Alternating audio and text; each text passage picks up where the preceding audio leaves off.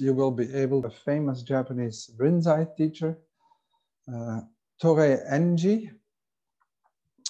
And uh, actually, I would like to ask Neve if she would be willing to read aloud for us this text now, just as a starter. Okay. So, Eve, you want to unmute yourself? Yeah. And read. Vows of the Bodhisattva's conduct, Bosatsu Gan Gyomon. When I humbly examine the true nature of all things, I see that everything is a manifestation of the Tathagata's truth, and that there is not a single particle of dust, not a single moment that is not pervaded with his inconceivable light. Accordingly, the sages of the past extended their kind protection to all beings, including birds and beasts, feeling respect and veneration for them. If we therefore regard the food and clothing protecting us from hunger and cold through the 24 hours of the day as the warm flesh and blood of the Buddhas, the embodiment of their effort and compassion, then who could fail to receive everything with reverence and gratitude?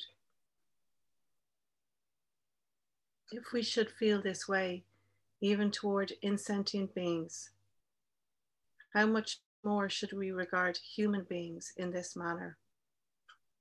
As to those who are not endowed with complete understanding, we should regard them especially with love and sympathy.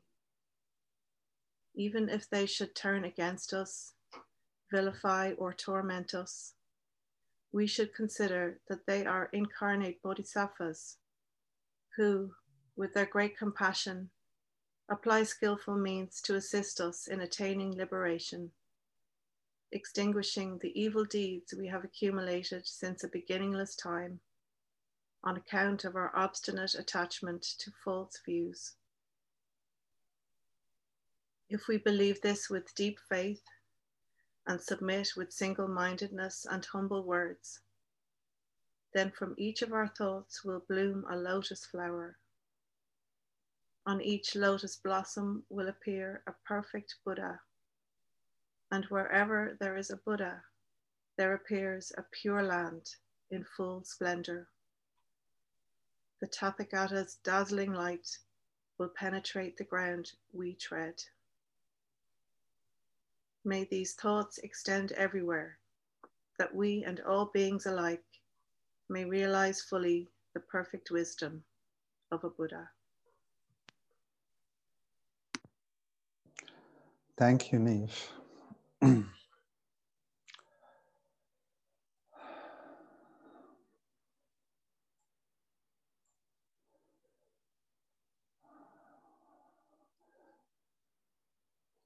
so I choose this text uh, by Torei called the Bodhisattva the vows of the Bodhisattva's practice, conduct. And I did choose a translation by Luis Gomez, which is a Buddhologist, a scholar, and who made this translation and, an, and a commentary uh, in an essay included in an interfaith collection, uh, edited by Donald Lopez and Steven Rockefeller called the Christ and the Bodhisattva. So it's an interfaith, a Christian Buddhist collection of texts. And in this text, Gomez commented on his translation of this Bodhisattva vow written by Torei Enji. In the Dana Sangha in Paris, sometimes they chant this vow by Torei but they use a French translation used on an English translation by Shodo Harada Roshi. And that's why the text is slightly different. So our French text we use in the Dana Sangha and we, for the time being, is based on another translation than the one we're going to use here today. Uh, I like this text because in the English translation, it's it's kind of close to the original, it seems to be, and it has a certain poetic quality quality that I that I like.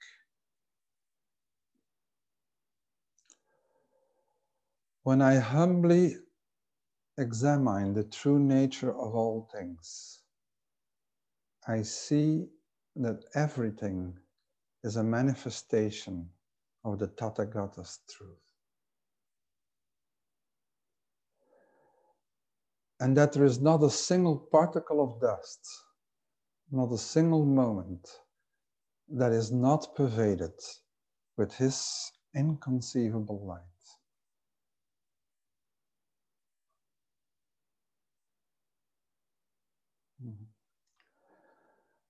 I think this is a beautiful opening of the text.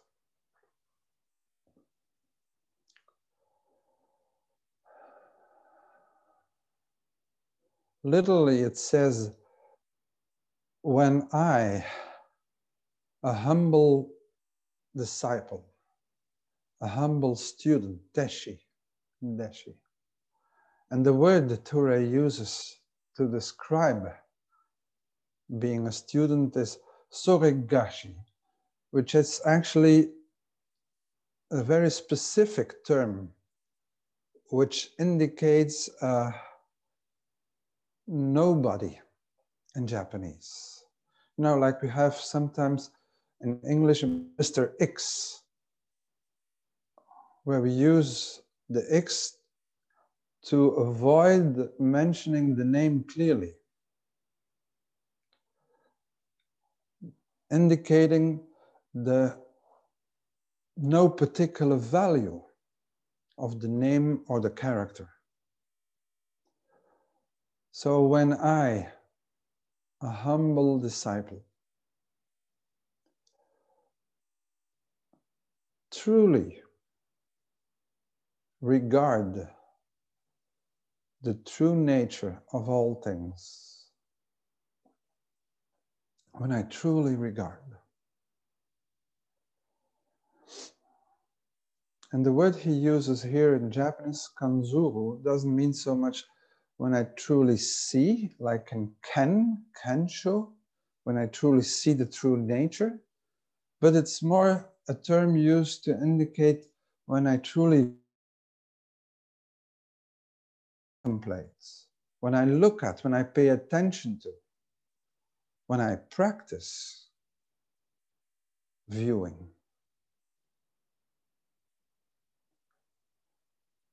When I humbly regard the true nature of all things. What is the true nature?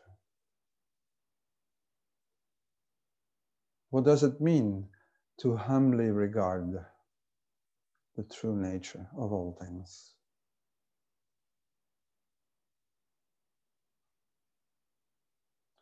And this reminds me of, a, of a, the story of the young Torei himself. Torei, who is really a child of the 18th century, he was born in 1721, lived until 1792, so the whole 18th century. And he is known because he is the direct and the most important, most well-known Dharma heir of Hakuin Ekaku, the great master Hakuin, the reformer of uh, Japanese Rinzai Zen. And the story goes, uh, he was the only child and his father was a merchant who was selling medicinal herbs.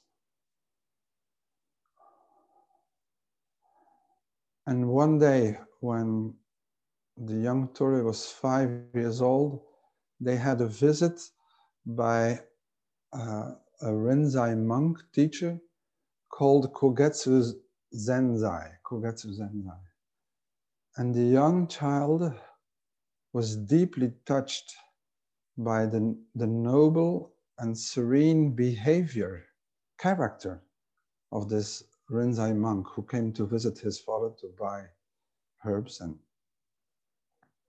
and so inspired by the conduct of this monk, the young Torei decided to become a novice. And so when he was nine years old, he entered the monastery nearby to become a Buddhist novice. And when he was 17, he, he went to the monastery of Kogetsu himself and trained the three years with him before going on a pilgrimage visiting other teachers. But the interesting point to me is when, as a child, he saw the true nature of this man. He observed. And so, at the start of this prayer, of this verse, he invites us humbly with this self effacing quality, humbly to truly see, to truly investigate the nature of things, which also includes this. Which means to humbly regard means to take on a view of self effacing intention. And then we can see the true nature of things, which is actually, as we've been talking a lot these last weeks uh, on the, on the Heart Sutra, which is actually the quality of no fixed self. of a self which is connected and part of this non separation.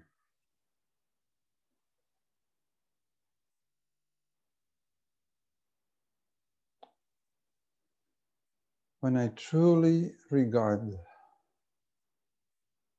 the nature of all things, I see that everything is a manifestation of the Tathagata's truth, of the essence of Buddha. When I truly see the empty nature of all things, I see that everything is an expression of the enlightened way. Torei repeats here what the Zen tradition says Shakyamuni Buddha saw in the night of his enlightenment. When he exclaimed, I and all sentient beings simultaneously attain the way. All things are endowed with the Tathagata's true nature.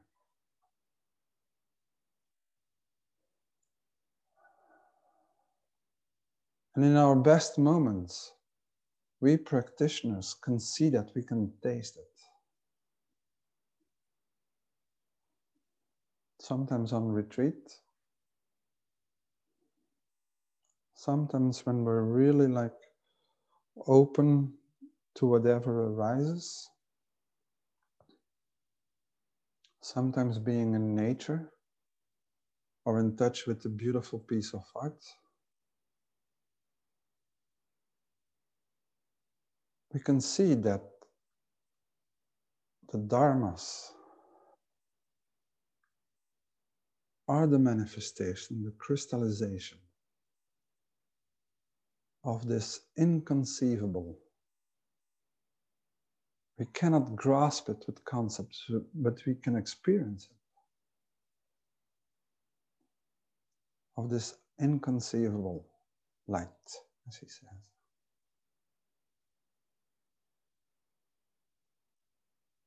everywhere, sit the cook, sit the cook.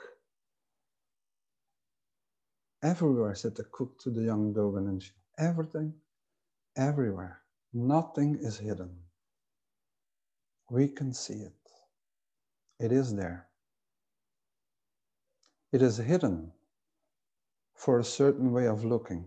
But if we look in a different way, it is not hidden. It's revealing itself as the manifestation of that what we do recognize.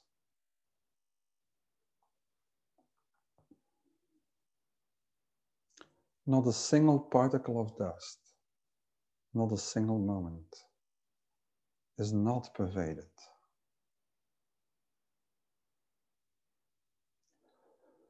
Accordingly, and it's a kind of tender shift Makes it. Accordingly, the sages of the past extended their kind protection to all beings, including birds and beasts, feeling respect and veneration for them including birds. In the Far East, it's a practice of, uh, of buying birds on the market and freedom as a Buddhist practice to free the birds. The sages of the past extended their kindness, their kind protection to all beings, including birds and beasts. And therefore, if we, we regard food and clothing protecting us from hunger and cold through the 24 hours of the day, if we regard the food and clothing as the warm flesh and blood of the Buddhas,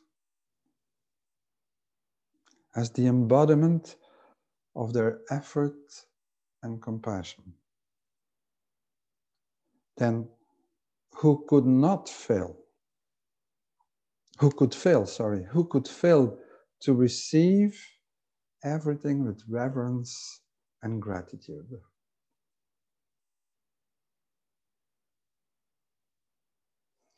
The food and clothing, the it's interesting. In fact, it's the two symbols of the monk the, the bowl, which receives the food, and the robe, which protects us.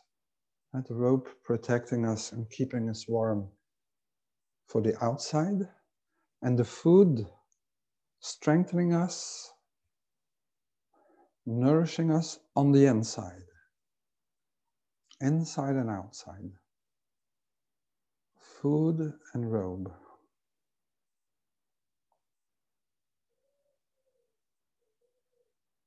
And if we see that, that everything is a manifestation of the Buddha's essence, how could we fail not to feel reverence and gratitude?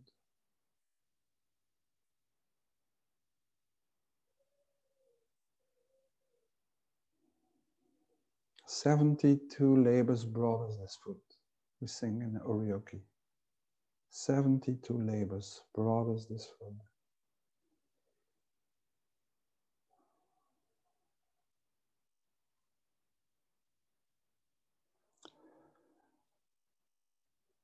And then the verse comes to the cardinal. And the next part,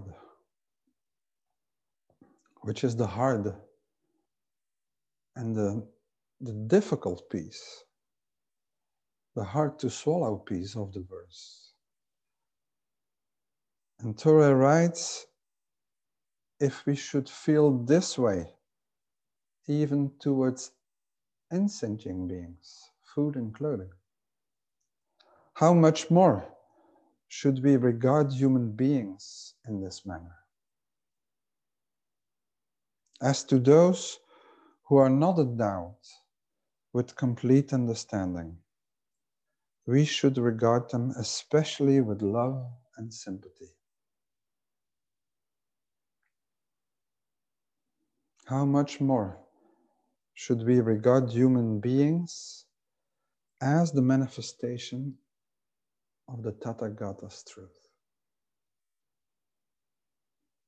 We're invited to see other people, and particularly the people who are, he says, lacking understanding, ignorant people. How much more should we regard human beings as manifestation of the Buddha's truth? Each and everyone is Buddha nature, has Buddha nature.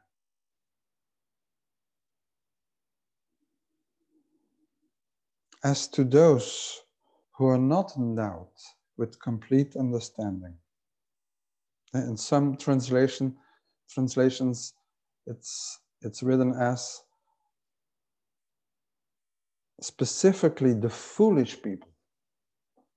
But Gomez translates it here as those who are not endowed with complete understanding, which includes myself. We should regard them especially with love and sympathy.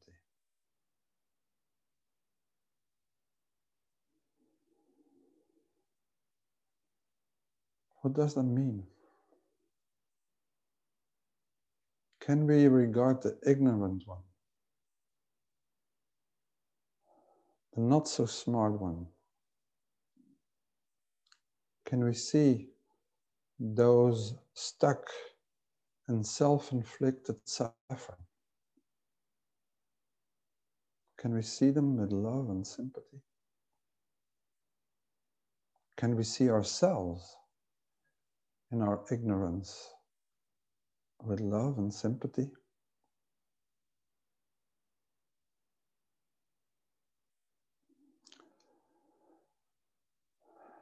And Torei goes on. It takes it even a step further. Even if those ignorant people should turn against us, vilify, or torment us,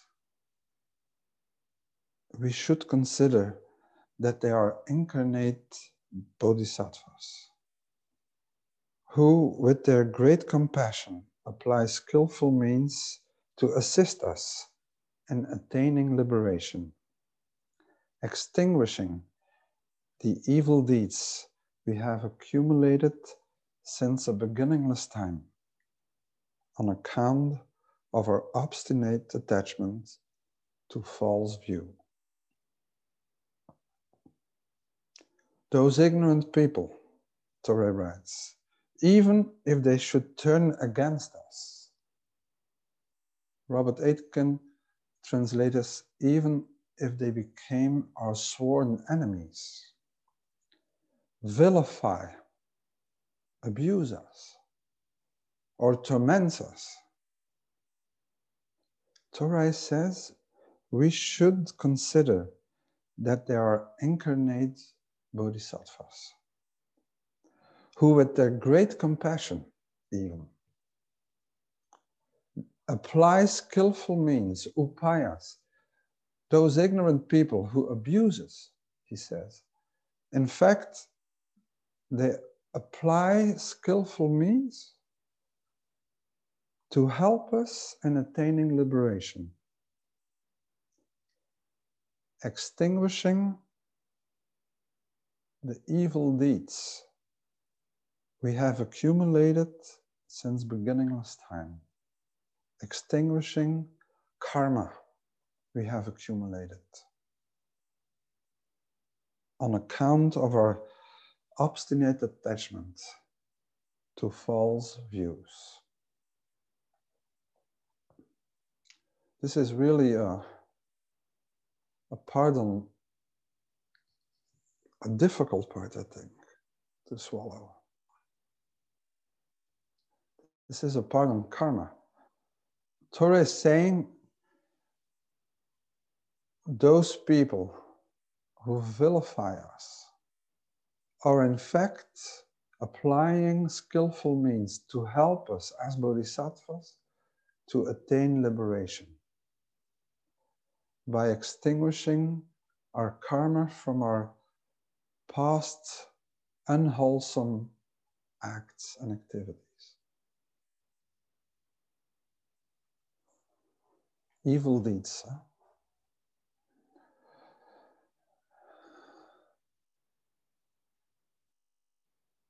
It refers to the impersonal effect, universal effect of cause and effect, which regulates the results of our acts, our intentional acts and behavior. And the Buddha will describe karma as intention, as the orientation of will. The effects of actions carried out with a conscious or even an unconscious intention. And the fruits of it, the vipaka, the beneficial or unwholesome fruits or effects. And Torres says that those who inflict bad things on, on us help us to extinguish the unwholesome karma of our previous acts, even previous existences.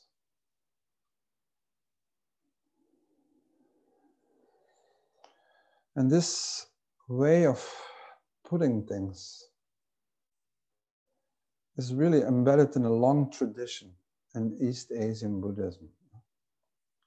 Even Bodhidharma, the founder of Zen practice, says in his treatise on the two entrances and the four practices, Bodhidharma, and the only text we we can ascribe with some certainty to him to him uh, indicates that my present suffering constitute the fruition of my past deeds and karma. And it's kind of remarkable that in our koan practice, a number of times we, we will encounter uh, this view. And we have a koan in our koan list, which will come back in the Hekigan Roku and in the Shoyo Roku. Even if a person is despised by someone, he need not mind. In previous existences, he had committed evils which would have made him fall into the evil world. By being despised, those evils of his previous existences will be extinguished.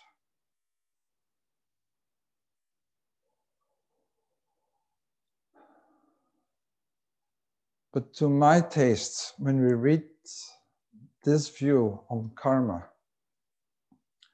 I think we need to be very careful. I think it's absolutely necessary to contextualize this a little bit what Torres says. We need to be aware that the poem was written in the 18th century in a feudal culture where abuse was basically institutionalized and legitimized in society at large, Japanese society, East Asian society, and within Buddhist monasteries as well, which were very hierarchical organized. And loyalty, obedience, submission were very honored values. At that time, there was no consciousness about human rights or social justice or the dignity and the integrity of the individual.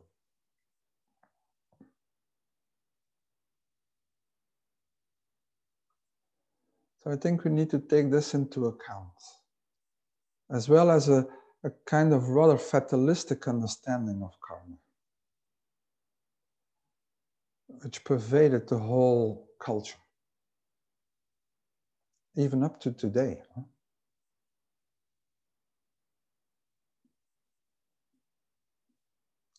People were exposed to random and non proportional violence.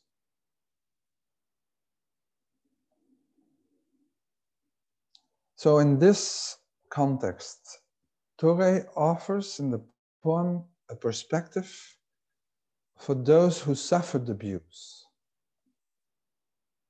by pointing out an absolute spiritual point of view, an understanding of transmuting karma. This happens to me now because in the past I was responsible for other things. So somehow, Torei offers victims a kind of spiritual absolute perspective. When I humbly examine regard the true nature of things. Even I can see that this abusive behavior is a manifestation of the Tathagata's truth.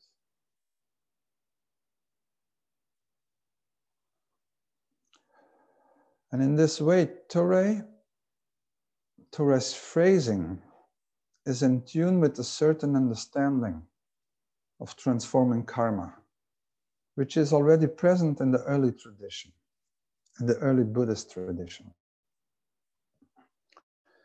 In the Dhammapada, there is this famous twin verse, the Yamakavagga twin verse, where it says, He insulted me, he attacked me, he deprived me. For those bearing enmity like this, hatred doesn't cease. He insulted me, he attacked me, he deprived me. For those not bearing enmity like this, hatred ceases. Hatred, says the Dhammapada, never ceases through hatred. This is a timeless reality. Through love alone, hatred ceases.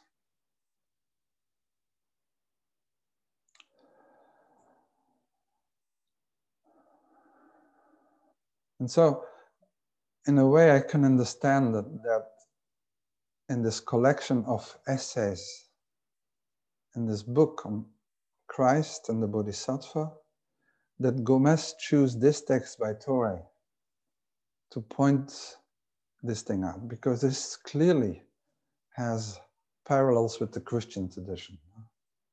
If we think of the Sermon of the Mount, Matthew 5 38, it says, You have heard that it was said, eye for eye and tooth for tooth. But I tell you, do not resist an evil person. If anyone slaps you on the right cheek, turn them turn to them the other cheek also.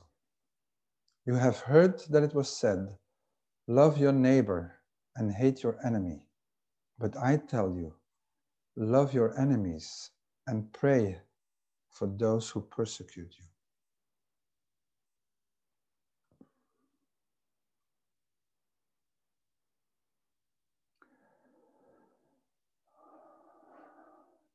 And, and Torei, in a certain way, even goes a step further, inviting us to see the perpetrator as a bodhisattva.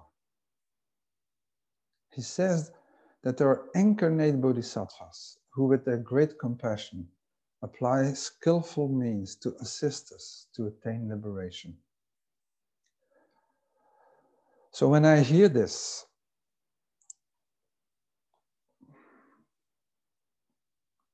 I think this is really a difficult call.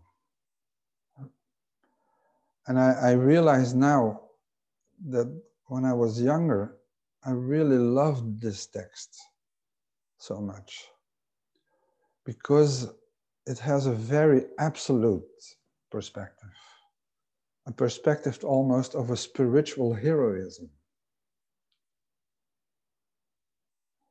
I'm not so sure that in our time, this is the spiritual advice we need to get in this way. I think this absolute perspective needs some nuance, some reframing, because I think it can be, in a dangerous way, easily be misused and misunderstood, misconstrued. Because I think nowadays we cannot hold a view which puts the responsibility of the abuse on the person who is abused. Torei asks us to see those who inflict evil on us, to see them as bodhisattvas, helping us to attain liberation. And from a certain point of view, it might be even true. And yet, I think we should acknowledge and study and understand. We should prevent and stop and reject abuse. And understand it, how trauma works. You know, in times of Me Too and the Black Lives Matter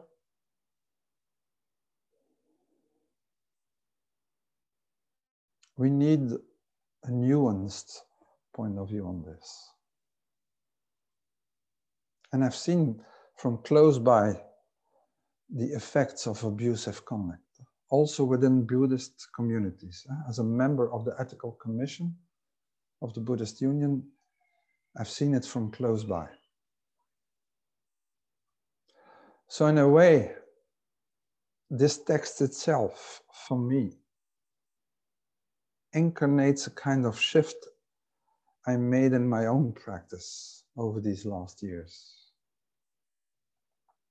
And I realized that I had a very idealistic approach to the bodhisattva work. And it was reinforced in a way by the, by the stories I've heard on the bodhisattva. The bodhisattva who dedicates her whole life to helping others. And even boundlessly embracing transgressing behavior. So for myself, something has shifted a little bit in this.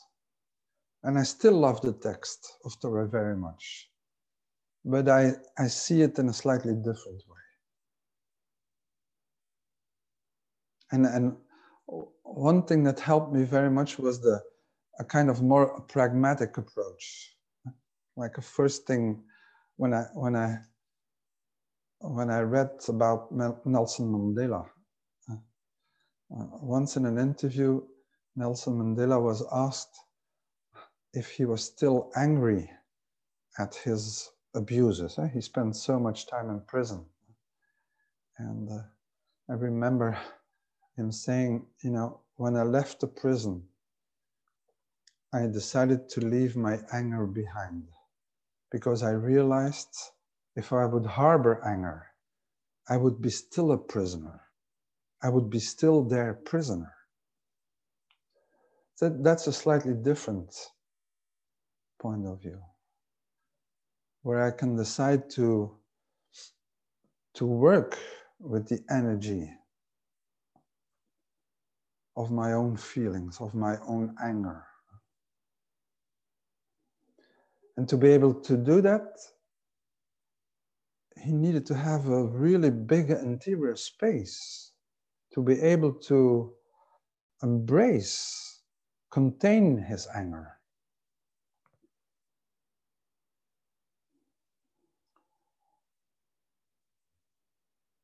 so nowadays I see Torei's poem, poem slightly different. And I think it has an application for us. In line with the, the Platform Sutra, Hui Neng, who says, you know, when I vow to save all sentient beings, basically I vow to save all sentient beings within my mind, within my own being. And they're saved by my self nature. They're saved by my true nature. All those sentient beings within my mind. So, using the metaphor of the poem, I think the practice we are offered here by Torei is to consider all those inner abusers and the way we relate to them.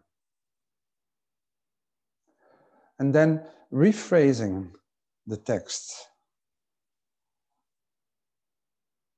I think it opens up, it opens ourselves up to a real practice to own our disowned voices and to listen to them and to embrace them and give them space and to really hear the wisdom they are telling us.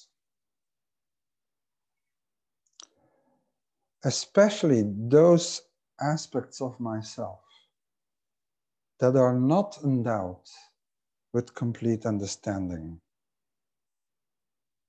I can practice to regard them with love and sympathy those aspects of myself that turn against me, vilify, and torment me. I'm willing to consider them as bodhisattvas who apply skillful means to assist me in attaining liberation. Extinguishing in this way the effects of my previous conduct.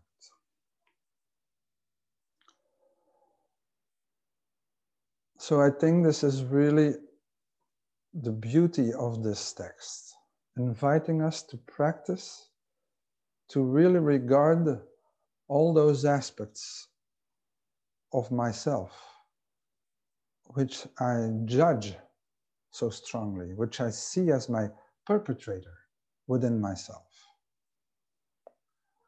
to really offer them an open space, to see them also as the manifestation of the Tathagata's truth. As they are, maybe twisted, but to embrace them within the space of our trusting mind, humbly from an open perspective. And let them speak to us. Not taking them personally, but really listening to them.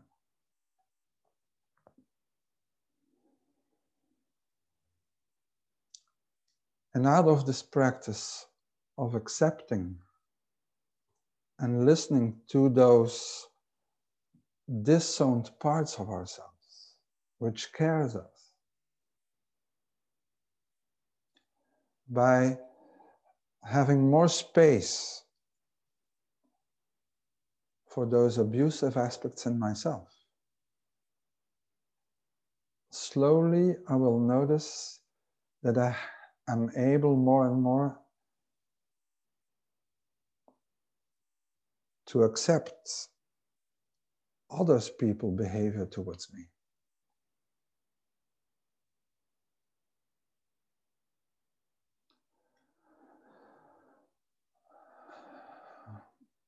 I'd like to offer an, uh, an example that uh, was very present these last years for myself.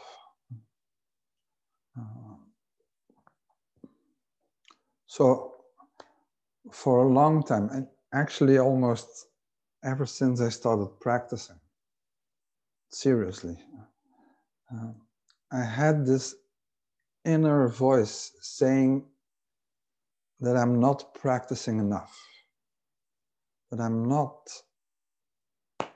meditating enough, or even more than the quantity, and the quality that my practice is not deep enough, not serious enough. I have that voice for a long time, more than 25 years. And that voice was there all the time. Sometimes more quietly, at other moments more strongly. and it was there every now and then. Even shortly, 2005, huh? shortly before transmission, huh? it was it was very present. I'm not good enough. I'm not practicing enough. I'm not doing enough. So some time ago, like two years ago, two and a half years ago, I decided to really listen to that voice. What is it? What does it say to me? Can I really own this voice, this self critic, always saying, I'm not practicing enough? And I really tried in my practice, in my meditation, to really own, to allow that voice, not judging it, but allowing it. And I took on, and I talked to my teacher about it, I took on the practice of the, what we call the jikiji, the immediate practice throughout the day to just connect to the open space of mind without effort. And really, in that open space of no effort, I allowed this voice of the one who is not practicing enough to circulate and to be there. And especially after Bernie's, Bernie Roshi's death, I remember walking in New York after the ceremony. It became clear that this voice, always saying you're not practicing enough, was actually saying you're not doing effort enough to practice. And as I said, especially after this time the passing away of Bernie, I decided not to do any effort anymore to practice. Because somehow this inner critic voice of not saying you're not practicing enough was linked to a conviction still there that I needed to do effort to practice, effort to be aware. And basically pointing to a conviction, uh, an opinion that practice is linked to effort, which meant basically that I was not trusting my true nature, which is no nature, which is itself as awareness. And so for some time, I really kind of allowed these voices of effort, of not doing enough, of longing not to do effort, of trust to circulate. And somehow something happened there in this inner alchemy of owning those different voices. And after some time, I noticed that the voice of saying, you're not practicing enough, kind of was not presenting itself so much anymore. And now, two years later, within all what happened in this past year, I can see that the power which means the identification with that voice is kind of much more relaxed. So for myself, I read nowadays Torei's verse of those aspects of myself who have no complete understanding, those voices of myself that have the tendency to vilify or torment me. Those abusive voices towards myself, which I nourish by not truly trusting what I am. The Torei's verse invites me to really practice with them and to own them, to create space and to welcome them, open space of awareness where we welcome them. Not to change them, not to transform them, but just allowing them within that space of awareness.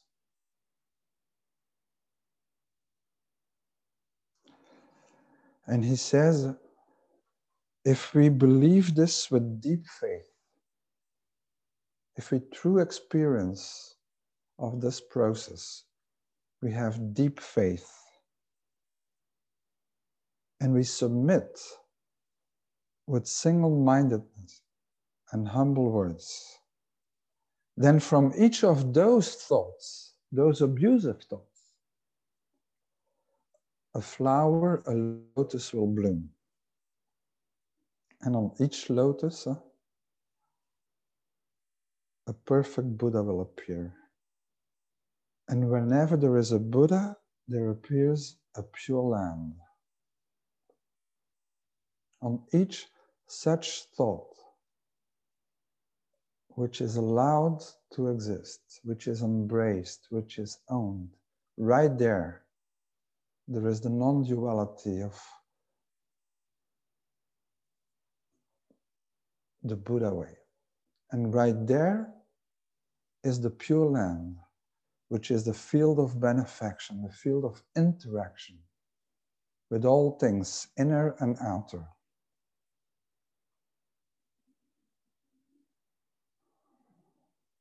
The Tathagata's dazzling light will penetrate the ground we tread. May these thoughts, Torei, extend everywhere, that we and all beings alike may realize fully the perfect wisdom of a Buddha.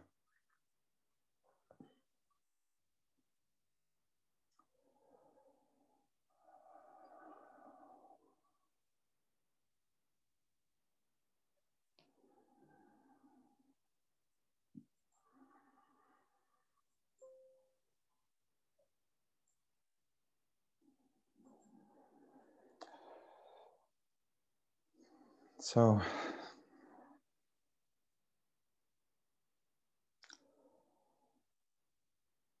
I wanted to present this commentary on Torei's verse.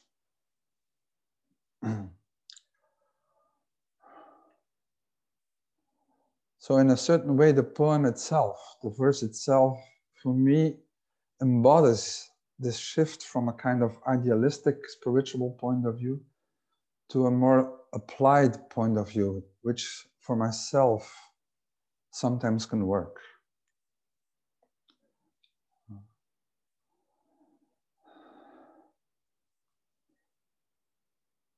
And by really owning my own disowned abusive aspects, maybe I can extend a little bit of this spaciousness towards others.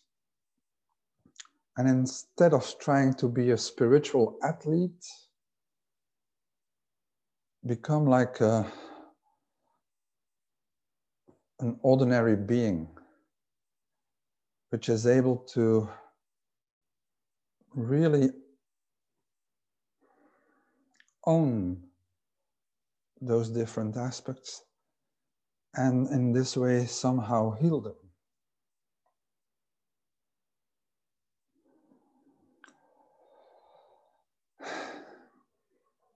So I will leave it at that. Uh, I hope. Uh,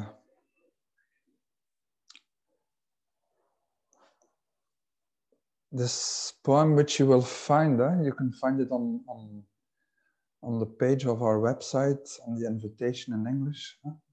The whole text is there in English, which uh, I hope might inspire you. Uh, we will end the, the with the four vows. I just want to, would like to invite you all, if you want to, uh, invite you all uh, next month. We will have uh, an online session on the Gate of Sweet Nectar, which is in a way is very similar in its approach uh, to Torei's verse, uh, Gate of Sweet Nectar. It will be in mid-January. We will send out some information on that to our English mailing list. So thank you very much for joining this on the second day of Christmas, and uh, I hope to see you soon.